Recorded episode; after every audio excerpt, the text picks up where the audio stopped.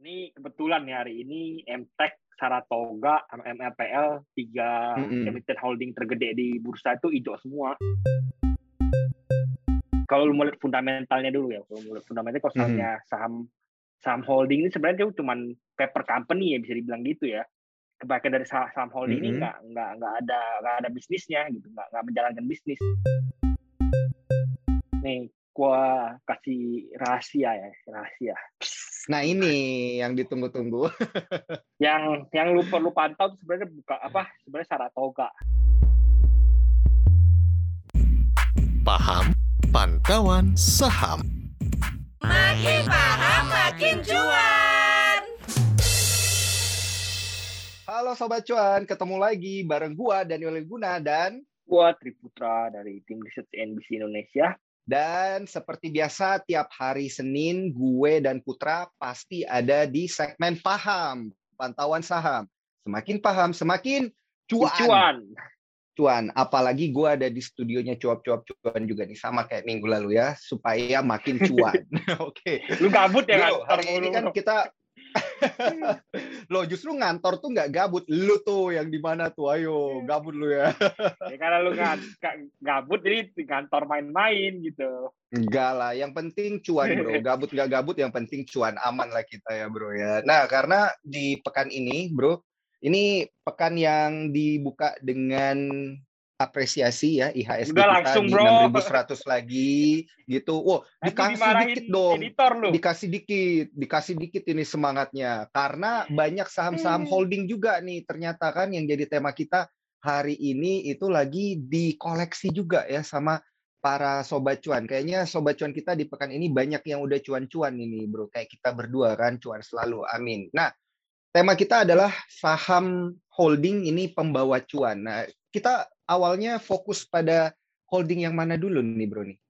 ini kebetulan nih hari ini MTEK, Saratoga, MLPL, tiga Mm-mm. emiten holding tergede di bursa itu hijau semua. Ini MLPL Mm-mm. sampai 20 persen malah, MTEK 8, Waduh, Saratoga. gue cap Hmm. juga nih. Jadi Oke. emang karena gue lihat wah ini kayak menarik untuk dibahas gitu karena lagi terbang-terbang semua. Mm-mm. Jadi gue pengen jelasin sedikit banyak ya tentang saham apa emiten-emiten holding ini. Apa yang perlu perhatikan ketika beli ini emiten, terus ini lihatnya gimana gitu. Yang pertama itu yang perlu gue tekanin kan kalau lu mau lihat fundamentalnya dulu ya. Kalau mau lihat fundamentalnya kalau misalnya saham saham holding ini sebenarnya itu cuma paper company ya bisa dibilang gitu ya. Kebanyakan dari saham, holding ini Mhm. nggak nggak nggak ada nggak ada bisnisnya gitu, nggak nggak menjalankan bisnis bisnis mereka cuma megang kepemilikan dari anak usaha yang lain gitu. Jadi cuma megang saham perusahaan-perusahaan lain gitu. Mantap. Sebenarnya kayak Saratoga tuh nggak nggak nggak ada apa nggak nggak berbisnis lain selain megang saham gitu. Jadi cuma megang saham Mhm. A atau B atau C. Jadi tinggal mereka putusin mau jual atau mau beli atau mau gimana. Terus biasanya juga ada berperan aktif. Misalnya ada nempatin orang di misalnya dia cuma anak usaha bukannya pemilik full misalnya cuma anak Mhm. usaha gitu. Bisa dia ada berperan aktif jadi jadi komisaris atau dan sebagainya gitu. Biasanya kalau Saratoga emang udah terkenal suka nodong-nodongin anak usahanya buat bagi dividen. Soalnya duitnya Saratoga dapatnya dari dividen gitu. Dan da- dari dividen perusahaan-perusahaan yang kadang-kadang bukan anak usahanya secara langsung gitu. Hmm, Nah ini oke. menariknya ini kalau mau lihat secara karena hal ini nih karena apa cuman paper company lo harus perhatiin baik-baik nih ini GCG-nya gimana kalau GCG-nya nggak Hmm. jelas GCG-nya berantakan gitu ya lu cuma beli pep kertas berarti dia kalau dia nggak mau bagi dividen dia belum nggak ada emang nggak ada usaha kan anak usaha Mhm. juga nggak bagi dividen ya ya lu Mhm. cuman di situ-situ aja kemungkinan besar Hmm. jadi Oke, versi lu oke. itu ya jadi GCG-nya sangat penting banget kalau mau masuk perusahaan holding gitu Hmm, Jadi ini untuk memperjelas nih bagi sobat cuan karena dia paper company berarti kalau secara fundamental kita lihat asetnya dia itu aset dari mana gitu. Nah, Aset ini dari anak perusahaan asetnya tentu gitu ya? asetnya tentu dari aset konsolidasi anak perusahaan. Nah, ini Hmm, menariknya oke. nanti nanti gua gua, gua lanjutin langsung ya. Jadi ini Mhm. selalu mau lihat laba rugi, ekuitas dan lain-lainnya perusahaan holding ini biasanya dibagi dua ya cara cara penghitungan Mhm. laba ruginya. Yang pertama tuh secara konsolidasi anak usaha, yang kedua tuh secara nilai va- value-nya perusahaan anak usaha tersebut sebagai contoh. contoh aku selalu lihat cara aku selalu lihat MLPL atau misalnya MTech itu tuh mereka tuh konsolidasi anak usaha. Jadi misalnya anak usahanya untung laba bersihnya 100 juta, ya dikonsolidasikan ke induknya gitu. Induknya juga jadi laba, nanti tinggal dikurangin non pengendali gitu. Ngerti kan maksud gua? Hmm. Nah, nah Iya. MTech, lalu MLPL, nah itu biasanya mainnya kayak gitu. Jadi kalau saya lihat laba rugi, berarti laba rugi anak usahanya. Nah, kalau kalau perusahaan-perusahaan lain, contoh kayak Saratoga, itu tuh nggak kayak gitu. Jadi dia karena dia pure kadang-kadang dia bukan ada yang bukan pengendali dan lain sebagainya dia tuh lihat apa laba ruginya Saratoga tuh tergantung dari seberapa tinggi kenaikan saham kuartal lalu itu kalau nggak salah tuh labanya Saratoga Mm-mm. kuartal ini kuartal ini tuh laba Saratoga tuh gede banget 15 triliun kan itu lebih gede hampir Oke. sam- lebih lebih gede daripada BBCA ya kalau nggak salah jadi di atas kertas Mm-mm. ah, benar di- lebih gede daripada BBCA Tapi cuma ini 14 kan dalam. Jadi- konteks dia itu memang satu grup gitu ya. Jadi ini Enggak, enggak, eh, gini, gini, gua- hasil gua- gua- labanya ini adalah konsolidasi bukan bukan dari bukan bukan semua grup-grup yang dia punya gitu ya, anak perusahaan yang dia punya. itu kalau untuk MTech sama MLPL. Jadi dia cuma konsolidasi doang. Laba, laba, laba bersih itu laba bersih konsolidasi anak usahanya gitu. Nah, kalau soalnya untuk seperti gue bilang kalau MTech itu konsolidasi anak usaha. Nah, kalau Saratoga lain lagi. Dia itu dari laba labanya itu dari dari harga saham anak usahanya gitu. Jadi coba sebagai contoh seperti tadi gue bilang tadi Saratoga itulah di kuartal kedua ini tuh menjadi emiten dengan Mhm. laba bersih terbesar di bursa. Lebih gede daripada BBCA. BBCA itu 14 triliun, Saratoga tuh 15 triliun. Kok bisa Mhm. cuan gede banget? Ternyata itu tuh itu tuh bukan cuan, itu cuma namanya misalnya trading namanya float, floating profit doang gitu.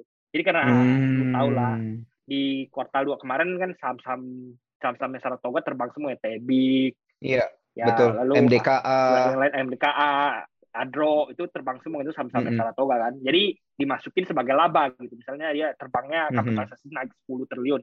Jadi masukin sebagai laba 10 triliun gitu ya. Tentu saja di, dikurangin di apa misalnya kepemilikan cuma 20 persen yang dimasukin cuma 20 persen jadi dua setengah triliun gitu.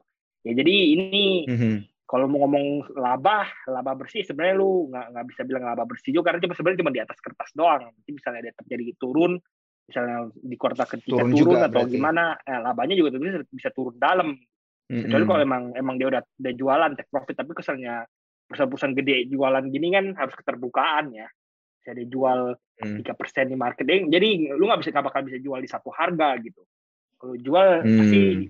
sahamnya ya ada ada kemungkinan ambrol kayak kemarin Saratoga sempat jual Agi kan terus setelah dijual berapa hari kemudian ambrol kan gitu jadi ya Ambrol, sulit. iya, iya. kalau mau, mau kalau mau TP di satu harga sulit gitu kecuali ada pembeli strategis ada investor strategis atau memang mau dijual kayak misalnya rumor Tebik kan mau dijual kan nah kalau misalnya emang Mhm. laku dijual di harga tinggi baru bisa masuk ke profit beneran gitu jadi ya ada kemungkinan Saratoga ter, apa diuntungkan misalnya Tebiknya laku gitu Hmm, oke oke oke. Itu kalau dari uh, grupnya Saratoga. Kalau dari grupnya MTech tadi lu bilang dari konsolidasi uh, laporan keuangan anak-anak perusahaannya. Kalau ada MLPL Iya. kayak gimana tuh?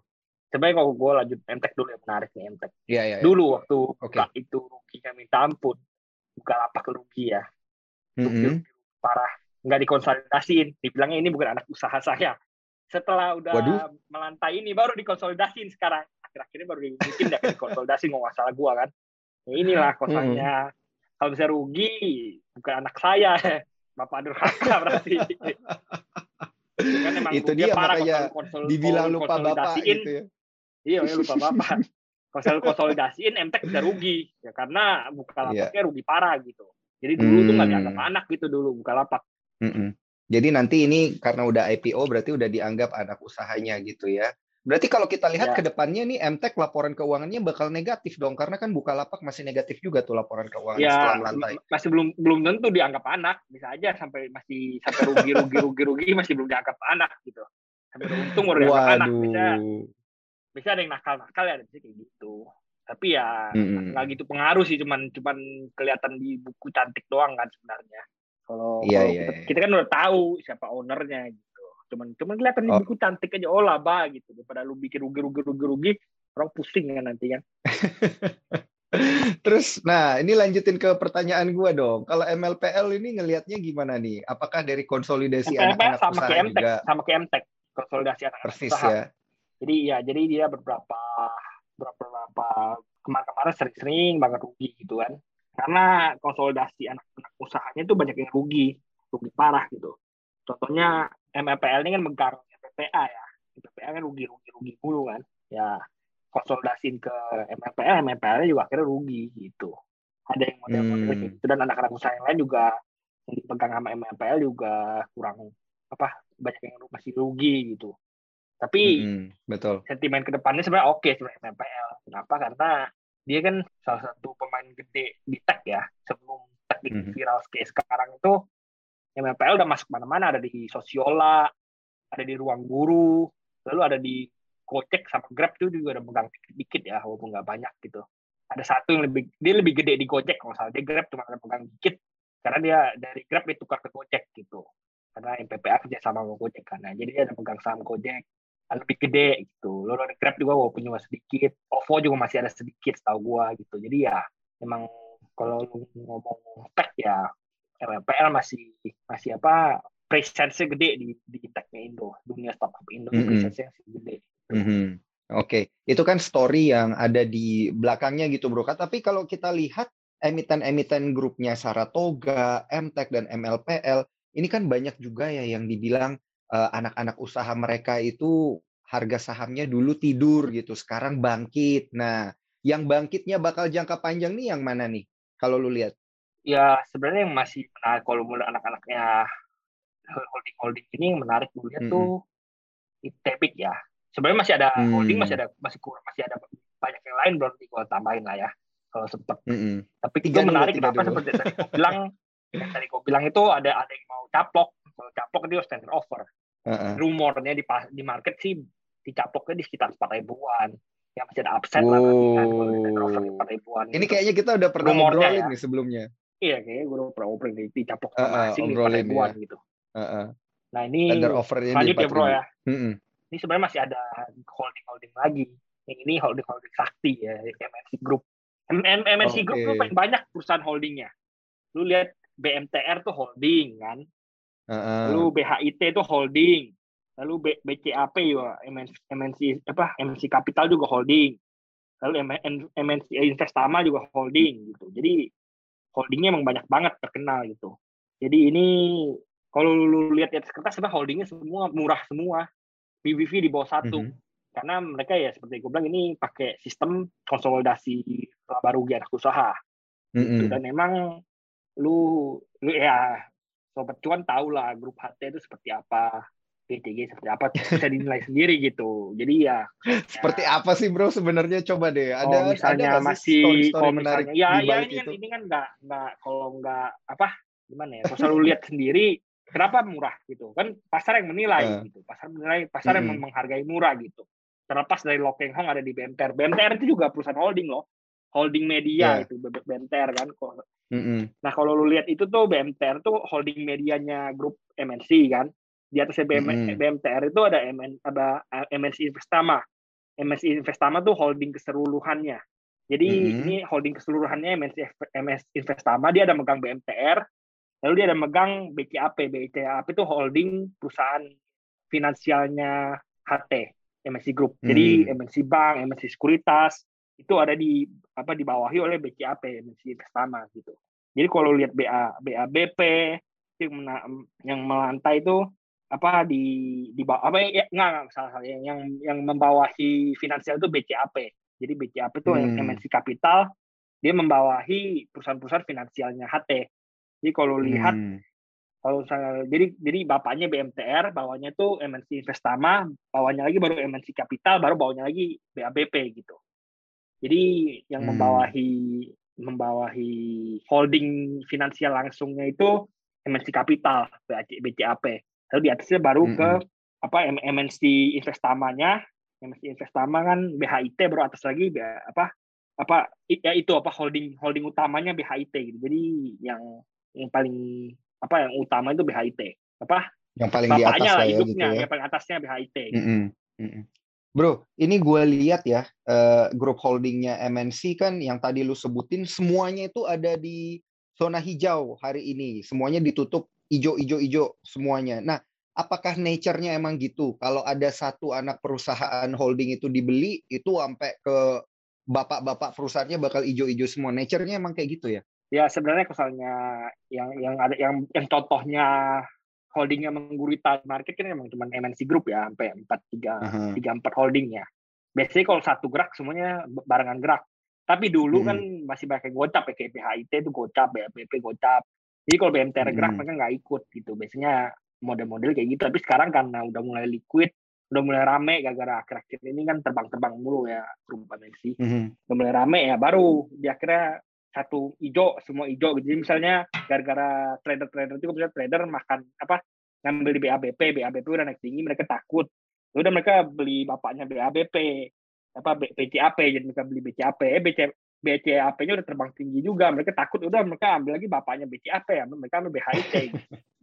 Nature-nya kurang lebih seperti itu ya. Jadi inilah keuntungan dari sobat cuan yang mengetahui gurita holdingnya di mana gitu ya. Jadi kalau misalnya ada eh, salah satu emiten yang udah dianggap mahal, coba dicari gurita lainnya. Biasanya itu ada efeknya. Oke, kalau dari MNC sendiri ini ada apa lagi nih bro informasi yang menarik atau mau lompat ke holding yang selanjutnya?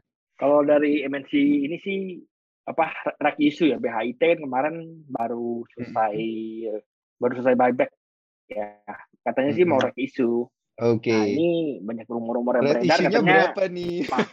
Biasa ini tanyanya kan kayak gitu. tahu bro. belum belum belum tahu belum ada keterbukaannya ya. Mm-mm. Tapi biasanya apa kan rumornya akan ada investor asing dari Jepang yang masuk. Oke, BHI. Terakhir sih Marubeni infonya ya. Terakhir sih Mhm. infonya Marubeni mau masuk. Marubeni itu perusahaan holding Jepang juga mau masuk. Jadi investor ki- apa di perusahaannya Pak HT kan. Tapi misalnya kalau misalnya grup MNC apa rank isu lu kadang-kadang harus hati-hati juga. Kenapa? Karena dari dulu sering setelah rank isu sahamnya sering long, longsor. Kayak lu lihat Hmm. BABP itu udah berapa kali rank isu balik kocap balik kocap akhirnya. Gitu. Jadi ya Hmm, harus oke, hati-hati benar-benar, lah. Mm-mm. Sekarang BABP harganya 420 nih. 420 rupiah hari ini 3,9 persen. Terakhir kali harganya gocap itu di bulan Februari tuh. Bulan Februari tuh dia gocap, habis itu dia terbang sekarang BABP ke 420. Nah, kalau ngelihat emiten-emiten yang lain nih seperti apa nih bro? Yang emiten-emiten holding ini kan banyak yang harganya di bawah 500, di bawah 1000 gitu. Kalau mau di tradingin atau mau diinvestasiin itu bagusan yang mana sih ini strateginya? Kalau mau tradingin paling enak di saham-sahamnya MNC. Walaupun kadang-kadang sering kontak harus hati-hati ya. Tapi emang kalau sering Heeh. trading paling enak di MNC. Yang lain tuh agak slow ya kayak MTEK, Saratoga itu agak slow. Kalau Lipo Mm-mm. juga enak di trading MLPL, MLPT, MLPT juga perusahaan holding tapi holding tech ya. Jadi MLPL membawahi MLPT, MLPT juga sebenarnya perusahaan holding. Holding dari Hmm. tech-tech company-nya si MLPL ini, grup Lipo ini gitu ya. Biasanya yang enak Hmm. dimainin MLPL. MLPL juga enak di tradingin karena apa? Liquid kiri kanan tebel lotnya. Kalau MTEK kan nggak Mm-mm. gitu tebel lotnya kan. Soalnya Saratoga juga nggak gitu tebel, tipis-tipis lotnya Nggak enak kalau di trading. Geraknya juga lambat. Yang enak ya MLPL hari ini terbangnya paling tinggi ya. Ya kalau misalnya lu mau ngomong enaknya betanya tinggi gitu Mhm. high beta artinya sahamnya lebih volatil kalau lebih volatil kayak lebih enak di trading saham-saham MNC Group juga high beta enak di trading gitu Ini MLPT tadi kalau MLPL 22%, ini MLPT aja 11,2% loh hari ini. Harganya bahkan ini udah 3 ribuan gitu ya, jauh daripada harga MLPL. Ini aja bisa naik sampai double digit. Dan kalau dilihat dari volatilitas sih ya emang ya ini lumayan volatil. Jadi eh, sobat cuan kalau emang pengen ber trading ya di emiten-emiten kayak gini selain siapin duit harus siapin mental juga nih. Karena seperti yang Bro Putra tadi bilang bisa aja tiba-tiba diguyur gitu ya harus hati-hati. Nah, kalau kita lihat dari eh, sisi emiten nih, dari sisi emitennya ini Bro, ini sebenarnya emiten-emiten dari grup eh, semuanya kan pasti ini punya teknologi ya, arahnya digital, arahnya teknologi. Tapi Hmm. yang dilihat dari sektor teknologi ini masa balik-balik lagi ke buka gitu yang bakal dikatakan paling apa sih paling Enggak. banyak ditransaksiin atau apa gitu. nih gua kasih rahasia ya rahasia Nah ini yang ditunggu-tunggu. yang yang lu perlu pantau tuh sebenarnya buka apa sebenarnya Saratoga Saratoga lu perlu pantau Lah. banget Not even Kenapa? buka ya, not not even MTech Aduh, bukan udah, Saratoga. udah, udah kemarin, udah yesterday itu. udah kemarin. Oke, next. Yang, Yang, pertama next lu perlu pantau ya seperti yang gue bilang itu sebenarnya bukan bukan MTech, MTech mah udah yesterday. Mhm. gitu. Yang lu Mhm. yang, yang lebih menarik sekarang itu karena buka ya udah lewat kan. Kan kemarin itu tunggu-tunggu buka dampaknya gimana ke MTech gitu. Yang buka udah Mhm. melantai ya ya tinggal nunggu kinerja aja gitu. Jadi MTech ya tinggal nunggu kinerja gitu, bukan nunggu nggak ada tanggal lagi yang ditunggu gitu. Ngerti nggak maksud gua? Mhm. Kalau kemarin ada tanggal yang ditunggu, tanggal listing Bukalapak. Nah, sekarang karena udah nggak ada Hmm. tanggal ditunggu ya kita pindah ke tempat lain gitu. Yang menarik yang lu Iya. itu Saratoga. Saratoga satu seperti gue bilang tuh ada asing yang mau beli tebik. Yang kalau misalnya ini kejadian, ya ini cuan gila-gilaan Saratoga tuh. Dan biasanya kalau cuan Hmm. gila-gilaan duitnya ke mana gitu. Bisa jadi invest tempat baru, bisa juga bagi dividen tentunya. Menarik untuk dipantau misalnya kejadian pembelian ini. Nah, selain ada ada Saratoga ini, ada Saratoga ini menariknya itu apa ada tebik ini Saratoga itu ada rumor-rumor bahwa dia dia yang akan melantain dia akan melantaikan Traveloka lewat SPAC rumor ya ada rumor ya. Rumor. Jadi itu Oke. Traveloka kan Uh. di Q4 ini kan mau melantai ma- mau listing kan, mau listing di US di Nasdaq ya, Hmm. masalah gua Mhm. pakai SPAC. SPAC itu kayak kendaraan kendaraan bisnis khusus lu pengen vector listing gitu. Jadi Mhm. IPO-nya gampang apa nggak ribet tinggal vector listing. Nah sebelumnya tuh saat apa Traveloka tuh ada ada, ada bicara sama tiga tiga SPAC, SPAC-nya Saratoga sama Providen, SPAC-nya Pandu Syahrir, sama SPAC yang US. Ada satu SPAC dari Mhm. AS nya emang di sana. Nah SPAC sama AS nya udah udah kagak kagak ngomong lagi, tinggal ngomong sama SPAC-nya Pandu sama SPAC-nya sama SPAC-nya itu sama SPAC Pandu sama SPAC-nya apa Saratoga sama Providen. Jadi Saratoga sama Providen tuh kalau lu baca berita-berita kemarin ada katain SPAC gitu. Jadi mereka ada listing SPAC dan Saratoga sama Providen sama Traveloka tuh deket gitu. Ada Hmm. kedekatan. Ya sepan, apa Pandu sebagai orang orang sakti dan kutip orang sakti di bursa juga ada kedekatan dengan Traveloka. Tapi menurut gua Saratoga sama Providen tuh potensi ngelistinginnya si Traveloka ini lebih tinggi gitu. Jadi kalau misalnya Cabik ini kejadian, lo Traveloka ini kejadian dilistingin sama Saratoga, Saratoga. pakai pakai Saratoga, pakai pakai Saratoga sama Providen ya. Itu menarik banget kalau lu itu. Mhm. Bro, gue mau Hmm. dikit cocokologi nih. Kan tadi lu ceritanya juga sedikit cocokologi gitu ya. Si ini deket sama si ini, si ini deket sama ini. Tapi kalau gue dari si, Ngawur lu, si bro. cocokologi gue ya, kayaknya bakal Saratoga deh. Saratoga kan punyanya Sandiaga Uno. Sedangkan Sandiaga Uno Kemenpar nih kan. Kalau Traveloka Iya, kan untuk bisa pariwisata juga juga. Bener tuh, Waduh, bener tuh, bisa. bener tuh. Bener, bener gak? Bisa juga bisa jadi, bisa jadi. Waduh, jadi Tapi jadi harus tapi koleksi itu- Saratoga sama itu itu itu namanya namanya itu nanti bro tapi kolusi ya berarti apa nepotisme apa kolusi dah itu lu memanfaatkan Ya, kalau- jabatan kan namanya kan nggak boleh kayak gitu Eh, loh Enggak juga, enggak juga, Bro. Kalau jalurnya bener kan, ah, laporan keuangan Eh. lengkap, divaluasi, gitu-gitu kan kalau ngelihatnya nih.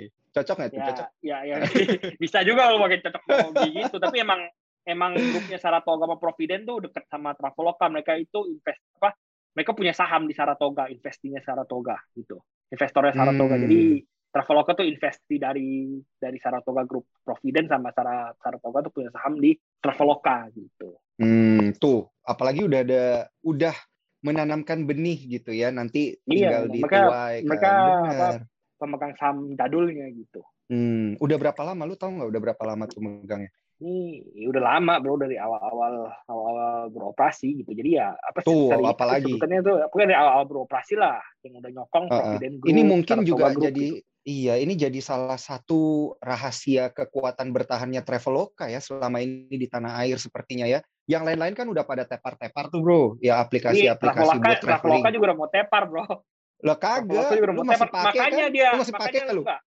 udah nggak lagi lu mau ke mana lagi kayak gini lu nggak bisa ke mana-mana lagi Iya, Mau pandemi ya. apa gitu kan ya Iya, benar benar benar. kan, kan terakhir kan udah banyak mencat-mencatin karyawan lah apa segala kan makanya mereka sampai Mm-mm. listing karena butuh duit sampai BU sampai listing kan Hmm. karena BU bro kalau nggak BU Iya, iya, iya, iya, iya. buru-buru Ini dalam waktu dekat, berarti dalam waktu dekat kalau kita lihat Q4 Traveloka dari nggak dari Heeh. kan ini kan udah dari Bloomberg dari mana segala segala kan kemarin ada ada interview CEO-nya Bukalapak ya eh Iya. Bukalapak CEO-nya Traveloka Traveloka. Nah. CEO-nya bilang bakal tahun ini, tahun ini. Ya Hmm. Q3 udah berat ya kelihatannya ya, mungkin most likely ya Q4 gitu. Mm-mm. Dan emang Oke. ya, ya seperti yang gue bilang juga, ini apa Travelokanya udah kalau bisa dibilang udah darahnya udah merah ya, misalnya kayak main game darahnya udah merah. Hmm, kalau ibarat Ultraman lagi, lampunya udah tiga nyala gitu. lagi. Nah, Ultraman nyampe udah, udah tenong, tenong, tenong gitu.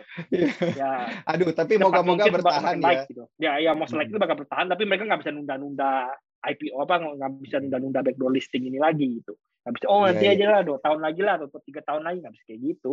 Mhm. Udah Sepertinya makin aku makin cepat makin baik gitu. aku mencium bau kerjasama. Mungkin Traveloka akan bekerja sama lagi dengan Kemenpar dalam waktu dekat ini kali ya. Loh, Ini itu nih disclaimer ya, ini disclaimer guys, mulu. disclaimer ya, cocokologi. ya kali, bisa aja kan kemarin-kemarin kita cocokologi mulu, kena mulu itu bro kayaknya. ada bro. Oke oke, itu rahasianya ya. Jadi yang mana nih pilihannya nih, Tebik apa Saratoga? Apa dua-duanya kita koleksi aja dulu? Gak kalau kalau menurut gue yang paling yang dari dari ke beberapa beberapa itu yang paling yang dari segi risk and rewardnya paling tinggi itu Saratoga. Kenapa? Karena satu masih murah, PBV di bawah satu, lu bisa cek PBV di bawah satu tahu 0, berapa. Dan Mhm. ada poten, ada, ada dua ada dua yang yang lu yang lu nanti nanti ini ada dua. Contohnya kalau kayak- kayak misalnya ngomong MTEK, MTEK kan udah udah tergolong mahal ya PBV di atas satu. MLPL, MLPL udah tergolong mahal juga PBV di atas satu. Paling kalau mau nunggu nunggu GoTo IPO yang bisa ditunggu gitu. Kalau kalau MNC Group ya paling lu trading tradingin aja lah gitu. Ag- Agak ngeri kalau mau di hold panjang mah. Tapi yang kalau secara risk and reward kalau pengen hold paling menarik Saratoga emang.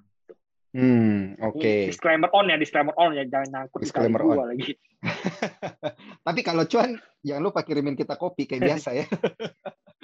Jadi tadi ya udah disebutin emiten-emitennya juga sama Putra. Eh, kalau mau hold panjang ini disclaimer on bisa aja ke Saratoga. Hari ini baru naik 6,3 persen.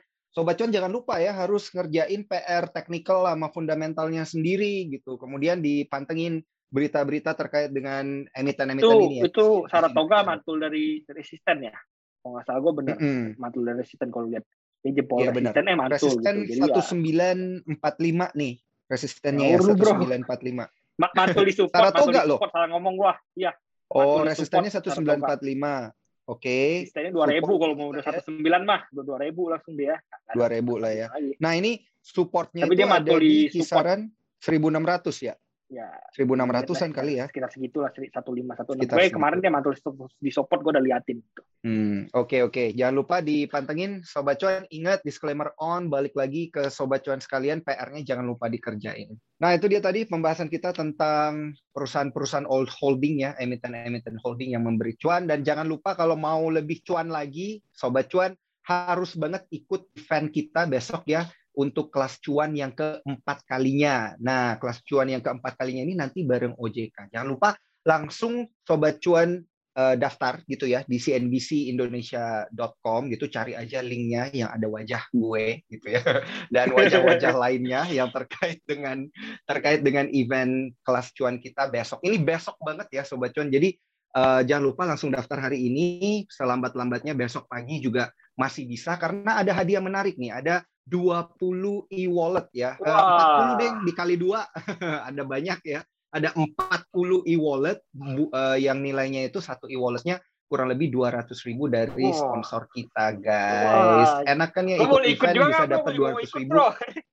Gede banget tuh. Oh lu, ya boleh sih, boleh cobain aja. Nanti sama produser di decline. Oke oke sobat cuan. Thank you dinaikin ya udah- dapat hadiahnya gitu. Iya, ya itu kayak tadi lu bilang tadi namanya kol- nepotisme apa kolusi tuh. Nepotisme, nepotisme itu Oke, oke. Oke Sobat Cuan, thank you banget udah dengerin gue sama Putra tiap hari Senin di segmen Paham. Jangan lupa follow kita di Instagram, cuap underscore cuan, dan juga di Spotify, Apple Podcast, Google Podcast, cuap-cuap cuan. Dan yang terakhir, karena ini Paham on YouTube ya, jadi kalian harus follow kita di YouTube juga atau subscribe. Jangan lupa di like dan juga di share. Yoi, di subscribe ya bro. Thank you, sampai jumpa di you, konten bye. selanjutnya.